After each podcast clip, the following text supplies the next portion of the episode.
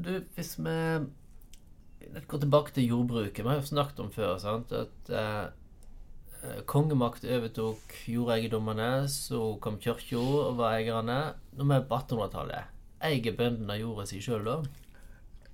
I stor grad, eller iallfall større og større grad. Eh, overgangen til sjøleier begynner faktisk relativt tidlig på Osterøyene.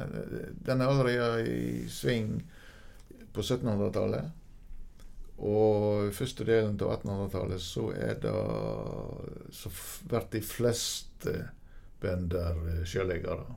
Mm. De som da Hvordan foregikk det? Ja, altså de som satt f.eks.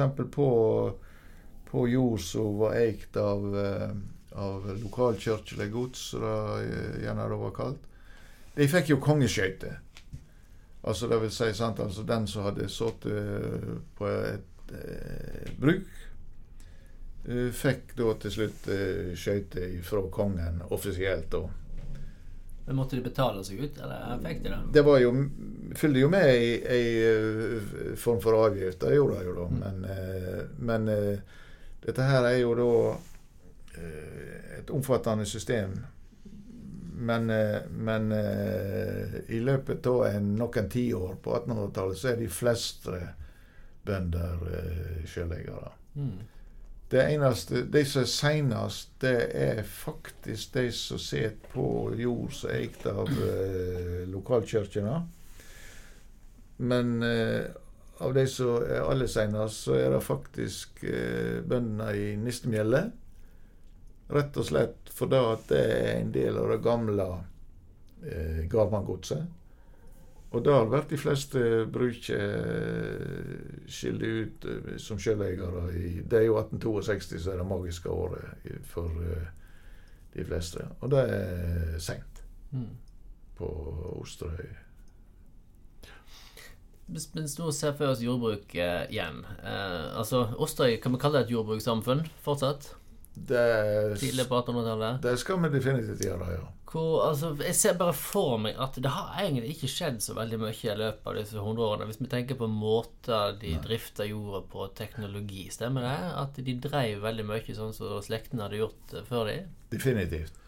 Det var, det var eh, tradisjonelle eh, metoder som var brukt, og det var mange hundre års eh, tradisjon som fortsatt lå til grunn, og som var det dominerende. Til og med en såpass ekstrem eh, driftsmåte som sveltefòring var fortsatt eh, gjengs eh, når vi er iallfall tidlig på 1800-tallet. Sveltefòring det betyr å gi minst mulig mat til dyrene om vinteren? Ja. Det dreier seg om å så, eh, rasjonere fôret slik at eh, at de kunne ha mange dyr, men når de kom fram på ettervinteren, så var det likevel for lite til den eh, budskapen de hadde. Sånn at du fikk en periode med sveltefòring. Vil si, da kom de til vårknipa. Og da skar de kanskje skav av tre, eller hva det var for noe. Og, og, og spedde på med. Men eh, det som var viktig, det var å få så mange dyr levende på summersbeite. Mm. For det var da kyr, f.eks., det var da de eh, produserte. Ellers så var det lite i, ellers i året. Mm. Og det er jo et system som eh, etter hvert forsvinner. For det begynner jo, når du kommer utover på 1800-tallet, så begynner det å skje forbedringer i jordbruket. Og det vi kan kalle tendens til eh,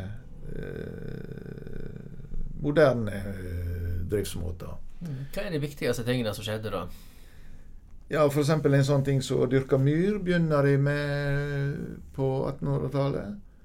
Eh, men det som selvfølgelig er mest eh, revolusjonerende, er jo når du kommer litt lenger fram, og du får utskiftingene. For tidligere var det jo eh, vanlig at eh, teigene til de forskjellige bøndene på en gard de lå blanda om en annen, altså teigblanding. Og eh,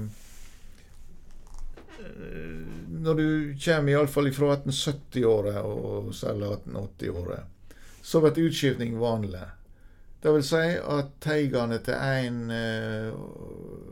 bonde blir samla mest mulig, slik at eh, det er mulig å drive jordet mer effektivt. Mange av de Altså, da fikk de et sammenhengende område da, som var sitt. Nettopp. Som var større. nettopp. Tidligere i teigblanding så kunne mange av teigene være veldig små. Og f.eks. hest var jo ikke vanlig at bøndene hadde. For det var ikke noe fornuftig de kunne egentlig Mm. bruke hesten til.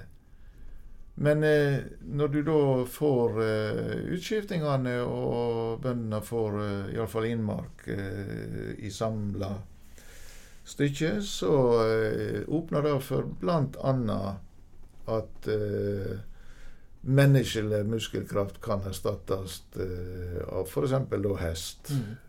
til pløying og, og hva det er for noe. Tidligere var det jo selvsagt å spa åkrene, men etter hvert så kommer jo pløying eh, inn, eh, så Så eh, det er ei mer effektiv jordbruksdrift enn etter hvert får. Men det er utskiftingene som er virkelig da motoren som setter i gang eh, den drastiske forandringen. Det må jo ha vært forferdelig mye krangling eh, på dette. Jeg kan bare tenke om vi skal dele opp Det var det. eh, disse her små eiendommene som var i familien i kanskje 100 år, og så plutselig skal du Ja da.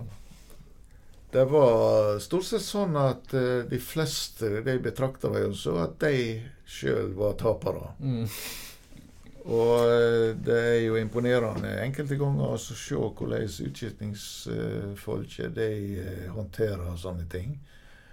Det var jo veldig mange altså Det normale var jo at du hadde først ei utskifting. Altså det var jo på innmark. Og veldig mange plasser så er det én eller flere som er da så misfornøyde at de forlanger overutskifting. Og da ser en hva slags psykologer disse her uh, utskiftingsfolket er. For det at eh, det gir liksom de fleste et lite grann eh, Et lite halmstrå, så å si, så de kan eh, si at eh, ja, utskiftingsretten var nå enig med meg eh, der, og, og sånn. Sånn at det var jo en dramatisk forandring, og det som hadde vært i familien si, si håndheving i generasjoner Det er ikke så vanskelig å se at det var et De, de, fleste opplevde det som et tap å, å, å miste det de kanskje hadde, hadde eh, opparbeidet. Mm. Men konsekvensen ble at jordbruket ble mer effektivt, og på Osterøy kunne vi brødfø flere med jordbrukere enn en kunne før. Ja, det er, det er en konsekvens, Mm. selvfølgelig.